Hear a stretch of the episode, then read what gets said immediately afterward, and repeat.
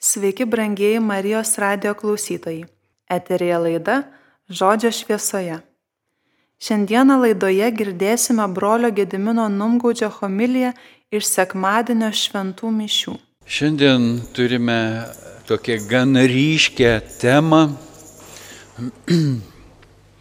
Mums dažnai labai nepatogią temą. Kaip įspėti klystantį žmogų.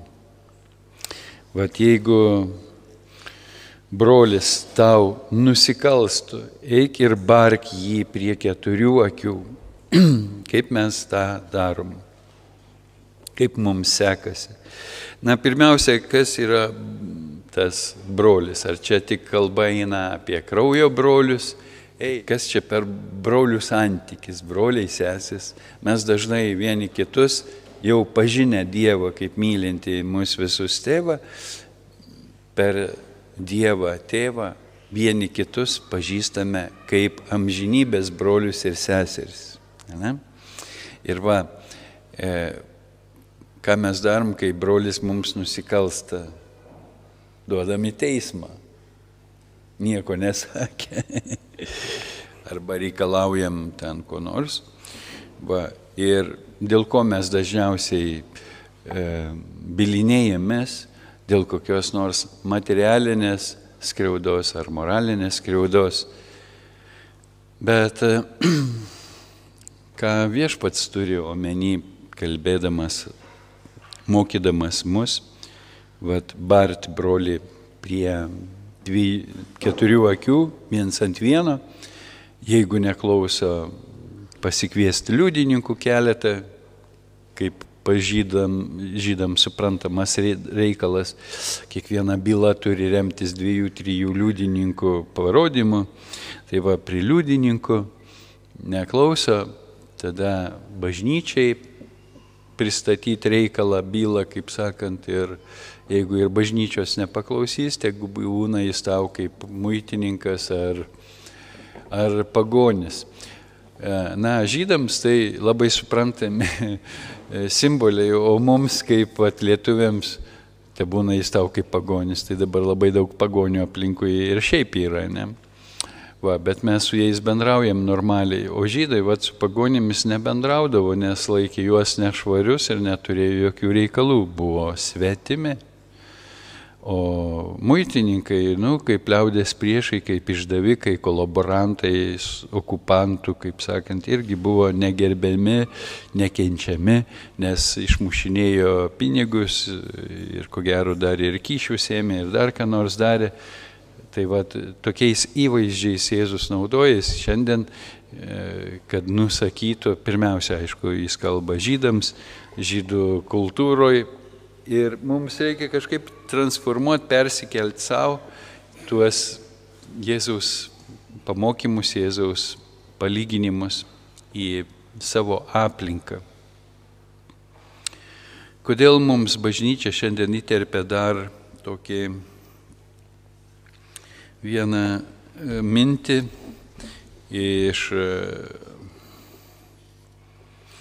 apaštalo Pauliaus laiško romiečiams tokią mintį, niekam nebūkite ko nors skolingi išskyrus tarpusavio meilę. Nes kas myli, tas įvykdo įstatymą. Juk įsakymai nesvetimauk, nežudyk, nevok, negeisk ir kiti gali būti sutraukti į tą vieną posakį - mylėk savo artimą kaip save patį. Meilė nedaro nieko piktą artimui.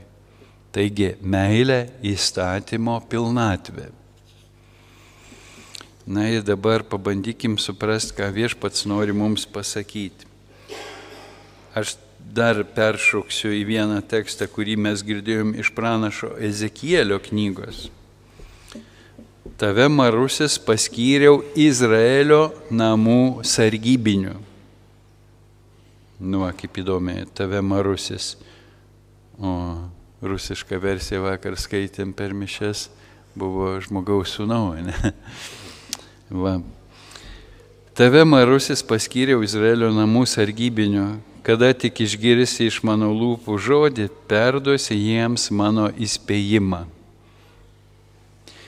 Jei turiu nedoriliui, jei tariu, jei tariu nedoriliui, nedorą žmogau, tu turi mirti, o tu nepaskelbsi, kad įspėtumėj nedorėlį mesti savo kelią, tas nedorėlis tikrai mirs dėl savo kalties. Tačiau jo kraujo pareikalausiu iš tavo rankos. Bet jei tu įspėsi nedorėlį, kad jis grįžtų iš savo kelio, o jis negrįžtų, jis mirs dėl savo kalties, o tu išgelbėsi savo gyvasti. Jaučiam, kad tarpusavį visi tie tekstai turi ryšę, ne? vieni kitus kažkaip papildo. Ir ko gero tai, ką nori Jėzus pasakyti, mums reikia abiejų tekstų. Pabandykim biškuti dar prie Ezekėlio teksto sugrįžti. Na, mes čia turim mažą ištraukėlę iš to skyriaus, kuris e, kalba plačiau apie tą sargybinio sargo užduoti pareigas. Jis kalba tokiais įvaizdžiais, taip kaip e, kiekviena tauta išsirenka ir paskiria sargą, kuris ten būdi dieną ir naktį prie sienų tautos na, teritoriją, sakykime, na, kaip ir mes žinom iš istorinių filmų ir Lietuvoje tikriausiai būdavo pilnekalniai kažkokie ir sargybiniai stovėdavo perimetrų kažkokiu, e, kad saugodavo sienas, teritoriją ir pamatę besiartinantį priešą, uždegdavo kokį lauželį, dūmas pakilęs, būdavo ženklas žmonėms, kad e, yra užpulti, kad turi bėgti, gelbėtis ir panašiai. Ir taip viešpats Ezekėlių irgi jų, jų, kaip sakant, aplinkoje suprantamų būdų kalba. Jeigu tas sargybinis, tas sargas, na, pramiegos priešo užpolimą, e, pamatęs priešą, nu, nesivargins savo duoti ženklo gyventojams to šalies, kad artinasi pavojus, kažkas žus, bus nužudytas to priešo. Ir va tada iš tavęs pareikalausiu kraujo, e, už, ats, nu, pareikalausiu už tą kraują atsakyti, nes tu pastebėjai priešą, žinojai pavojų, bet neįspėjai. Bet jeigu tu įspėsi tautą ir kažkas dėl savo bejingumo nepasisaugos, žus, tada tu nebūsi kaltas dėl to kraujo.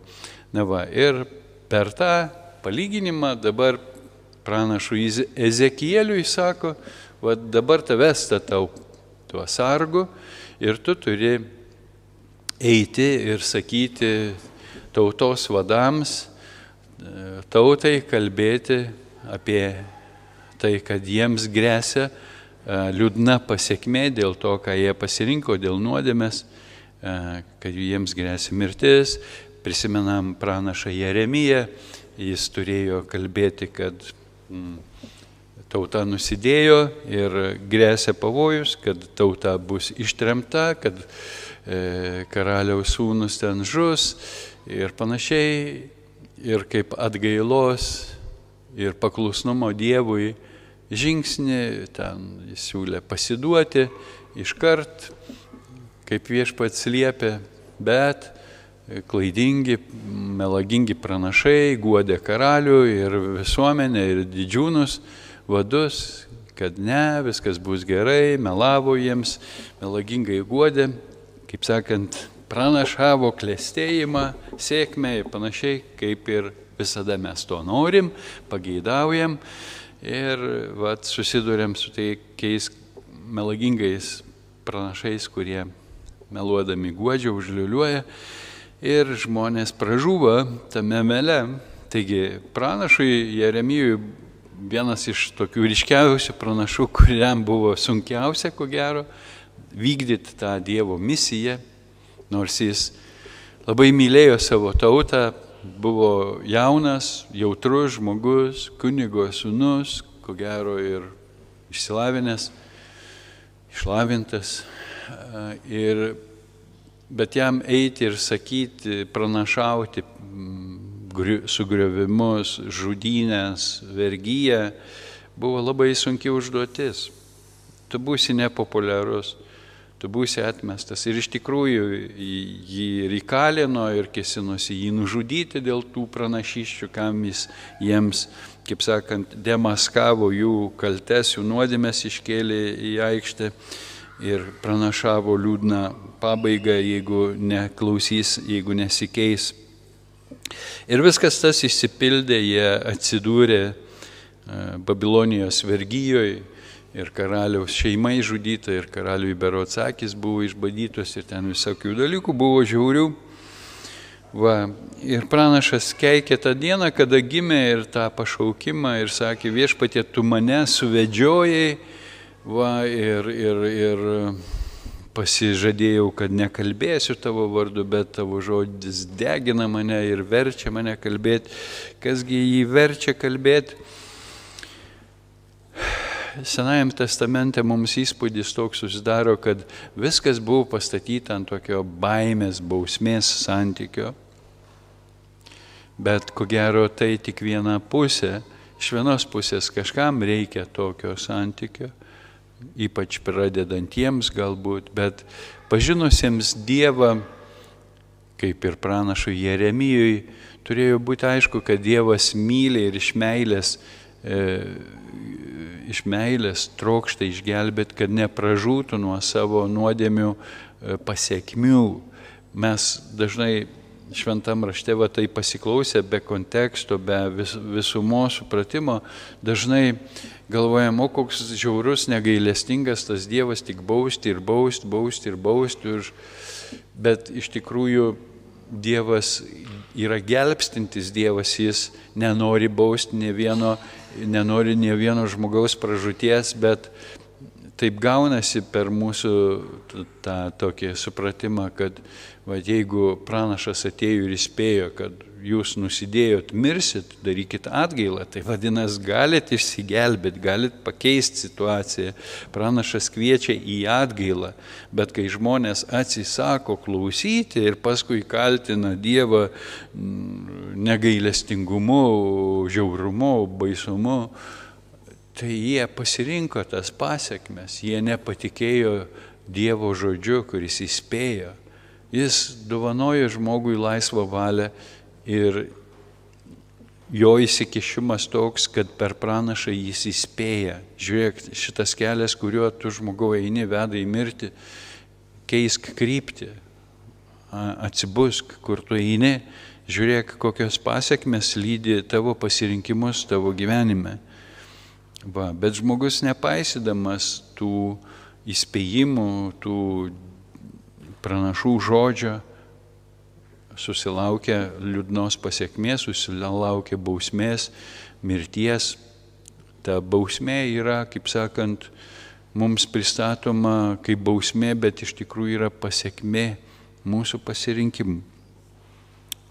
Ir aišku, tam tikras galioja teisingumas, jeigu aš nepaisau Dievo valios, draugauju su velniais, velniais su malonumu mus baus, kaip sakant, negailestingai baus ir dar mus pačius padarys savęs baudėjais.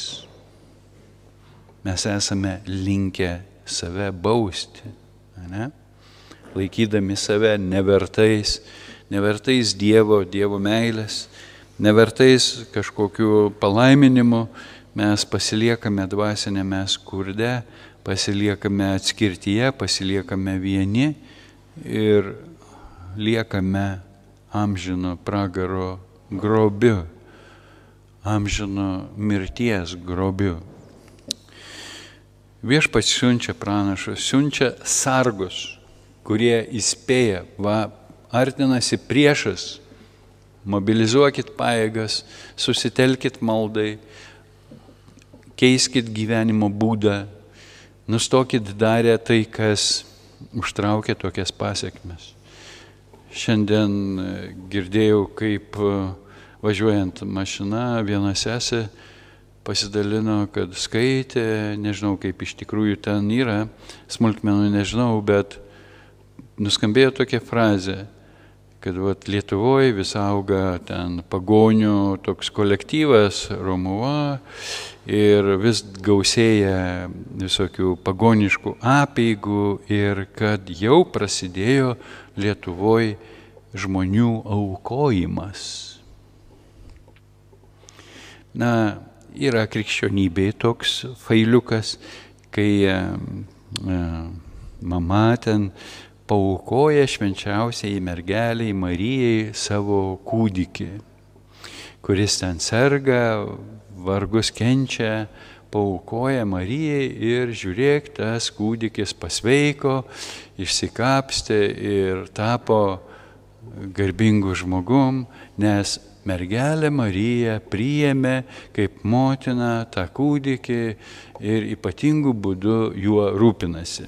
Nu, nežinau, gal jį rūpinasi kiekvienu iš mūsų, kiekvieną myli, bet mes vat, ieškom kažkokio ypatingo santykio, blato, dar kažko, vat, tiesiog priversim mergelę Mariją pasirūpinti. Buvo čia neseniai tokie Švento Juozapo metai ir buvo akcijos po bažnyčias pasiaukojimas Juozapui. E, ir sakė, tu dalyvausi? Nesakau, nedalyvausiu. Kodėl tu nedalyvausi? Nu, aš jau kažkada sąmoningai supratau ir pasiaukojau Jėzui. Atidaviau save Jėzui.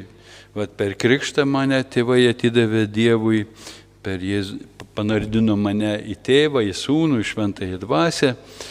Ir aš priklausau dabar Dievui, jau nebeišeina man savęs dalinti, atimti iš kažko, iš Dievo, iš Jėzaus, aukoti save Juozapui, nebesuprantu tų failų, atleiskit.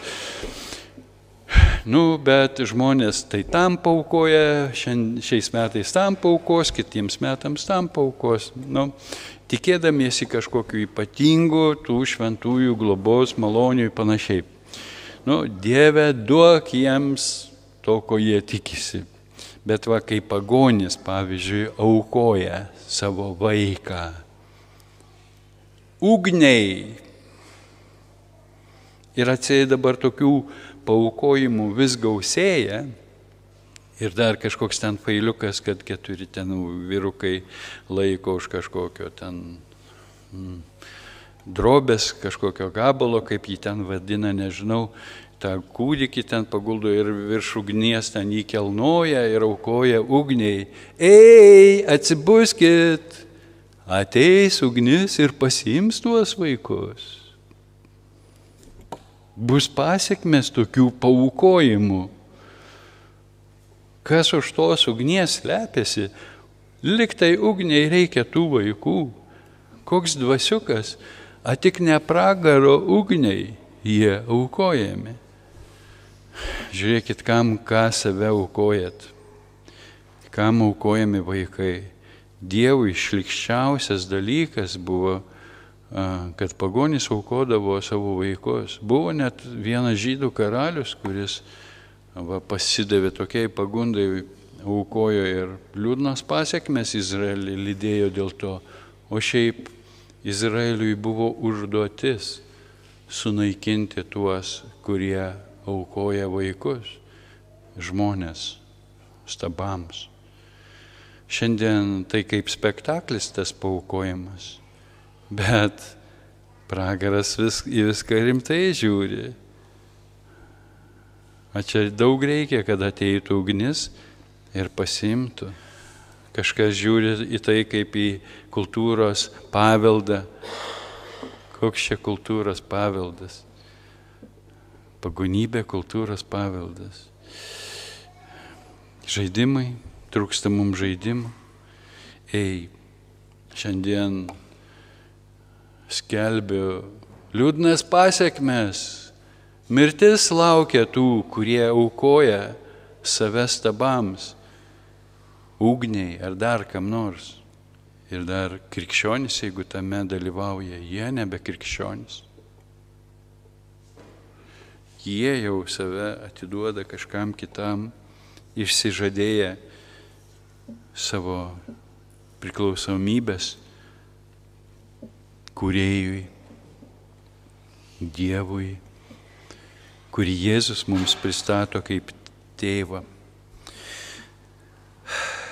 Kaip minėjau, dažnai mums ta užduotis Jėzaus barti kažką dėl nusikaltimo. Galbūt mes dažnai barame viens kitą arba apkalbame, teisėme savo širdyse kalbose dėl e, mums, e, ne, na kaip čia sakyti, mūsų ambicijoms, mūsų užgaidoms, mūsų mm, supratimams netitinkančius brolių sesių veiksmus ar žodžius. Tai dažnai nieko bendro neturi su nuodėme, yra žmogiškos silpnybės ir nebūtinai, kad dėl jų jis turėtų pražūti, bet tiesiog mums nepatogu ir tada mes vat nuteisėm, diagnozę pastatom, atsiskiriam, atskiriam, atribojam save nuo jų arba juos nuo savęs ir skurdinam save net nepasišnekėję akis į akį, o tuo labiau priliūdininku, emocinių pagrindų. Galbūt mes pirmiausia turėtume pradėti nuo savęs, kodėl mane erzina to žmogaus veiksmai ar žodžiai, gal aš savy turiu pirmiausia kažką atpažinti ir keisti, kad nesugebu priimti kitokio, su kitokia nuomonė. Juk dažnai pas mus, ypač bendruomeniai arba šeimoji, arba draugų tarpe būna toks uh, santykis, kad aš kažko užsimanau, įkvėpimą gavau, čia turėtų būti geras dalykas, ateinu su draugais ar į bendruomenę pasidalinti savo įkvėpimu, žmonės išklausė Jis sako, žinai, o aš turiu kitą nuomonę. A, įsižeidimas. Kaip tu gali turėti kitą nuomonę? Tai tu manęs negirdi, tai tu manęs nesupranti, tai tu manęs negerbi, tai tu manęs nemyli. Tu nori, kad išgirstų tave, kad tave suprastų, bet tu kitų nesiruoši išgirsti ir suprasti, jeigu jie turi kitokią nuomonę kitaip mato tą situaciją. Arba supranta, kad jie tame nepajėgus dalyvauti. Ir viskas, prasideda kaltinimai ir atsiskirimai, skirybos. Ar apie tai Jėzus šiandien kalba? Manau, kad tai kyla iš to, kad mes dar nesam numirę savo, nesam rimtai apsisprendę sekti Kristumi, išsižadėję savo nusavybės savo supratimu, kad priimti jo valią, jo išminti. Nesam apsisprendę ir negyvenam tikėjimu, bet gyvenam jausmais. Ir tie jausmai pridaro mums daug bėdų. Mes esam, pavyzdžiui, patikėję kažkokiu variantu, kurį istorinių faktų, kažkokių ten kurie gali būti iškreipti, suklastoti, mums pristatyti labai gražiai, nutylint kai kurios dalykus.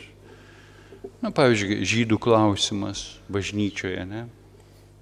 Arba dabar, vad popiežius per jaunimo dienas Rusijos jaunimo komandai sušnekėjo keistus failus, pasidžiaugė Petro I ir Jekaterinos carienės e, Rusijos imperijos didybę, e, pasidžiaugė, bet galbūt nesugebėjo išreikšti e, žodžiais Rusijos kultūros didybės, pavartojo žodį imperija ir palinkėjo jiems likti ištikimiems tame gyvenimo būdė rusiškame ir panašiai. Nu ir visiems europiečiams skandalas, ypač ukrainiečiams.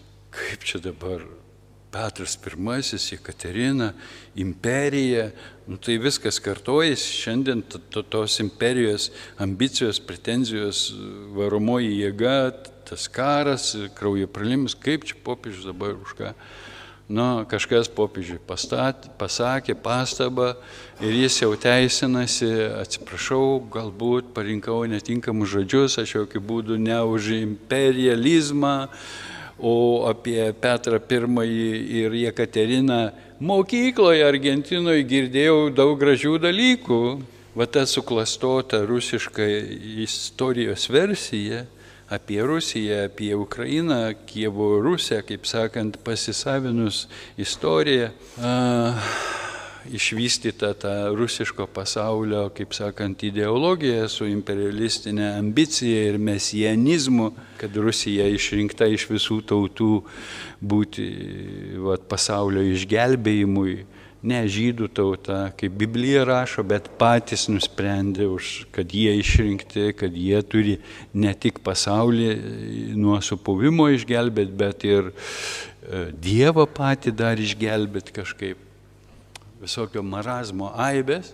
Va, ir visa tai pumpuojama žmonėms į galvas ir jie patikė, ir jie tuo žavisi, ir jie tuo gėrisi, kaip ir Pranciškaus atveju, va, jis vaikystėje, jaunystėje, mokykloje tokia suklastota istorija jam buvo pristatyta, jis priemė, įtikėjo, vėliau nepasitikrino ir išlindo va toks ribotas, iškreiptas supratimas, kuris pridarė daug skandalų, čiut ne iki graikų katalikų bažnyčios atsiskirimo Ukrainoje panašiai. Dabar šią savaitę vyko kaip tik sinodas graikų katalikų viskupų ir ten aiškinosi. Bet vad, kai žmonės nuoširdžiai tai įtikė, tiesą sužinojus, yra labai nepatogu. Nepatogu dabar tau prisipažinti viešai, kad aš susimoviau kad aš buvau suklaidintas, kad aš patikėjau melu ir nuoširdžiai tikėjau daugybę metų tuo melu ir dabar pasirodo aš klydau. Juk panaši situacija dėl žydų klausimo bažnyčioje dabar. Atsargiai mes taip, atsargiai, atsargiai, nors Dievo žodis labai aiškiai kalba, bet mes čia atsargiai turime tokiai laikytis, čia nelyskit, nesiaiškinkit, yra kas už jūs išsiaiškins Ir mes vėl liekame be asmeninės pozicijos tuo klausimu. Kažkokie autoritetai kada nors įsiaiškins, o mes dabar toliau gyvenkim rūkė tokie. Ne? Nors tas labai smarkiai įtakoja asmeninį kiekvieno mūsų santykių su Dievu. Pavyzdžiui, kaip Davido istorija skaudi tokia su tokiu Mefibosetu, Sauliaus karaliaus anūkų, kurį Davidas buvo priemęs į rūmus, jis buvo invalidas, šlu, Raiša šlubas sunkiai vaikščiojo ir jį Davidas mylėdamas jo tėvą, kaip jo, Jonataną, priėmė į savo šeimą, galim sakyti, savo namus ir davė jam paveldą visas senelio karaliaus Sauliaus žemės valdyti ir sėdėti prie jo stalo kiekvieną dieną. Ir Mefibosetas buvo tikrai ištikimas Dovydui, mylėjo Dovydą, bet va, kai sukilo Dovydo sunus prieš jį ir Dovydui teko su dvariškiais slėptis, bėgti iš Jeruzalės, Mefibosetas įsakė savo tarnui Cibai paruošti asilus, apkrauti duoną, ten maisto produktais ir e, vykti kartu e, paremti Dovydą karalių. Palieka jis, kaip sakant, irgi Jeruzalę, bet Ciba viską padaręs, sukrovęs, kaip sakant, pabėgo nuo šeimininko, palikom Mefibosetą, gal tikėjusi, kad Davido sunus jį nužudys ar kaip nors ir vat prisijungė prie Dovido savo vardu. Vat karaliaus štai dovanos, parama. Ir Dovydas klausė, o kur Mefibosetas?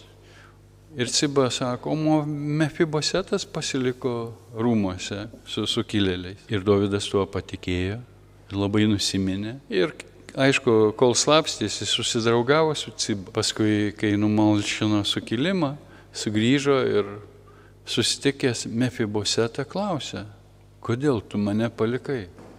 Ir Mefibosetas sako, mano tarnas mane apgavo. Aš įsakiau paruošti maistą ir ruoštis prisijungti.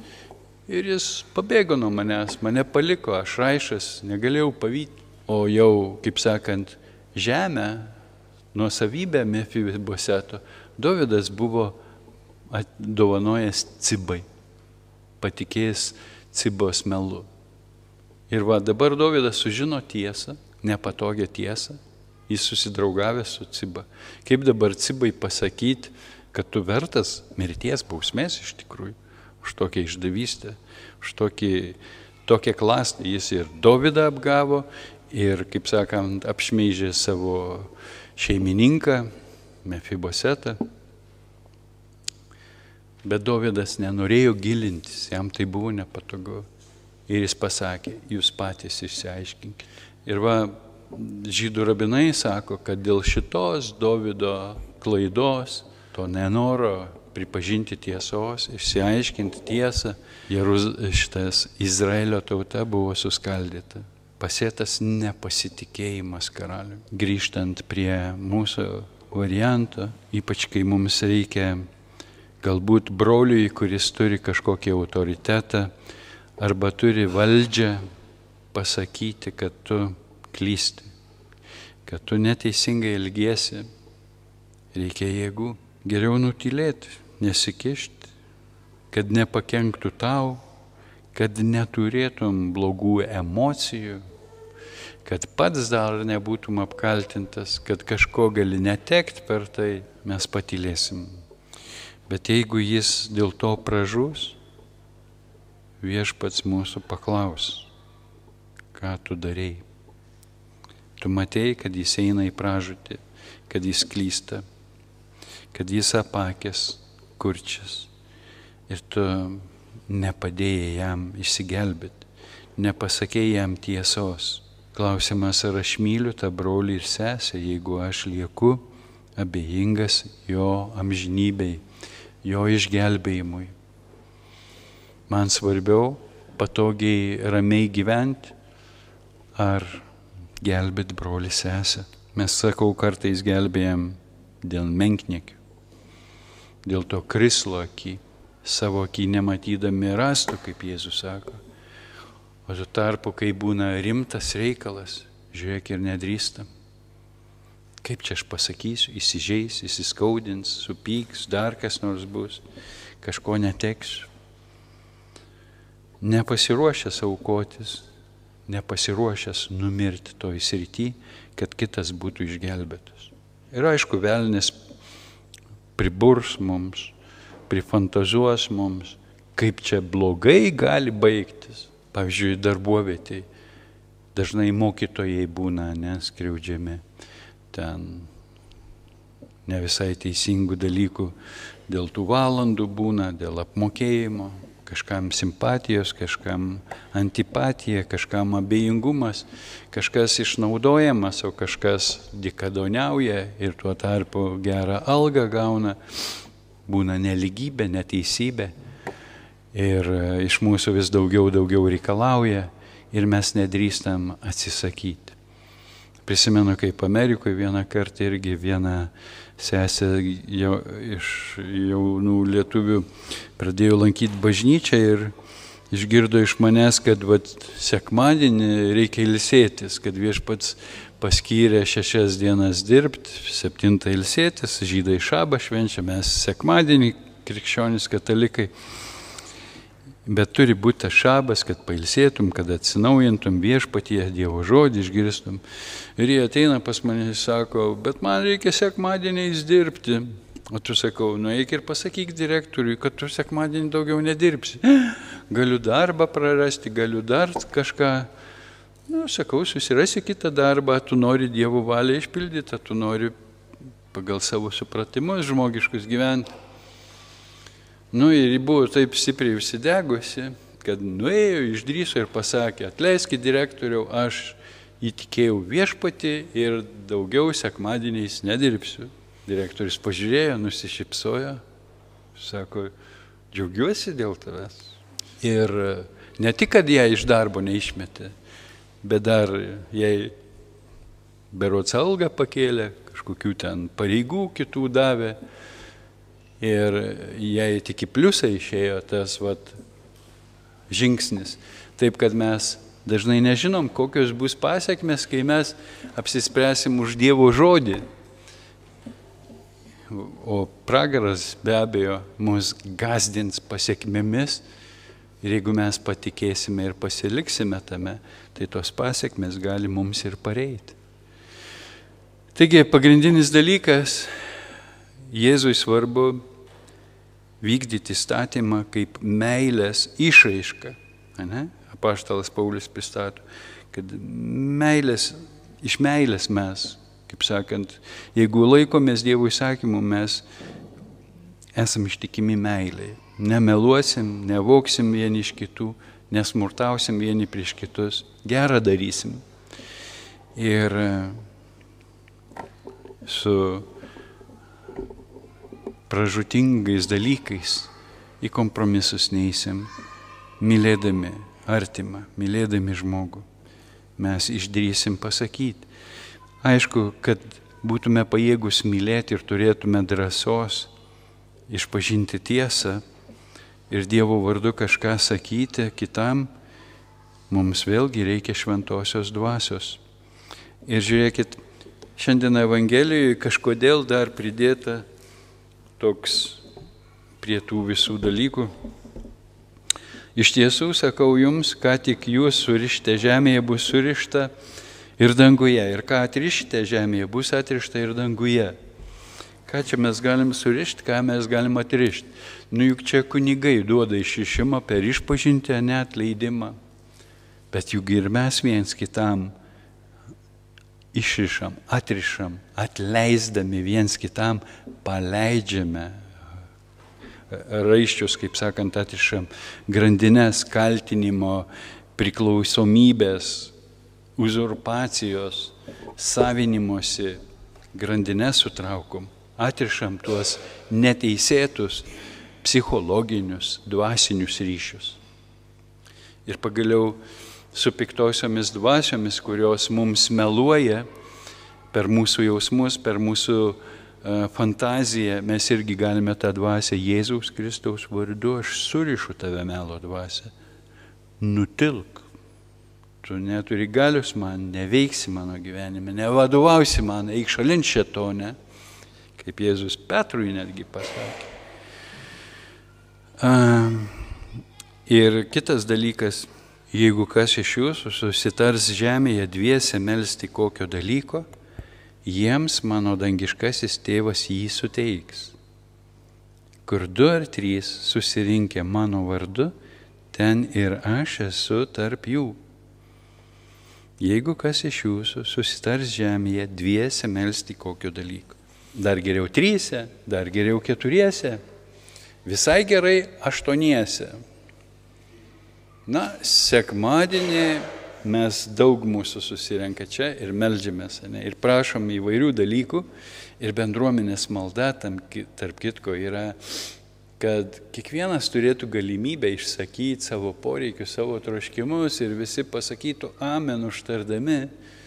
Bet mes bijom apsinuoginti, bijom apsijuokti su savo poreikiais ir liekame tame na, na, bent jau dviese galite apie tai pakalbėti su viešpačiu, ne?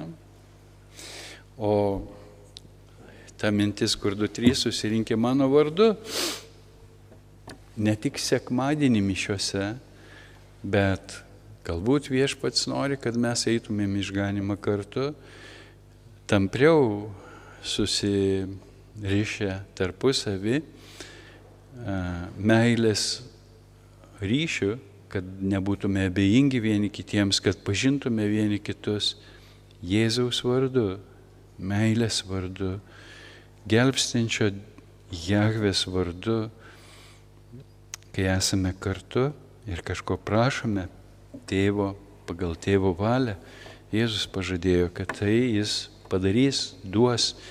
Mes turim progą išreikšti savo pagydavimus, savo pozicijas, kad neliktume abejingi, kad neliktume atsakingi už kitų kraują. Taigi viešpats mus veda į bendrystę, į bendruomenę. Ir bažnyčioje daug susvetimėjimo Ir sekmadienio mišos nepadeda mums susipažinti, vienas kito pažinti, vienas kito reikalais persijimti. Todėl Dievas duoda maldos grupės. Paskui po mišių aš paprašysiu Agnės pristatyti vieną reikalą. Čia Agnė turi tokį įkvėpimą ir prasidėjo procesiukai. Tai galbūt kažkas iš jūsų irgi parodysit noro prisidėti prie šito naujo, tikiu, Dievo darbo. O dabar melskime, prašydami viešpaties, kad nepaliktų mūsų abejingais, kad suteiktų mums šventosios dvasios ir padėtų mums suprasti, kaip mes, kiekvienas savo gyvenime, savo aplinkoje galim pritaikyti ir išpildyti šiuos viešpaties žodžius. Ačiū, kad klausėtės. Su jumis buvo laida Žodžio šviesoje. Laidoje girdėjote brolio Gedimino Numgaudžio homilės įrašytas pakutonose. Daugiau įrašų rasite mūsų YouTube kanale Pakutovenai. Daugiau informacijos rasite mūsų puslapyje Pakuta.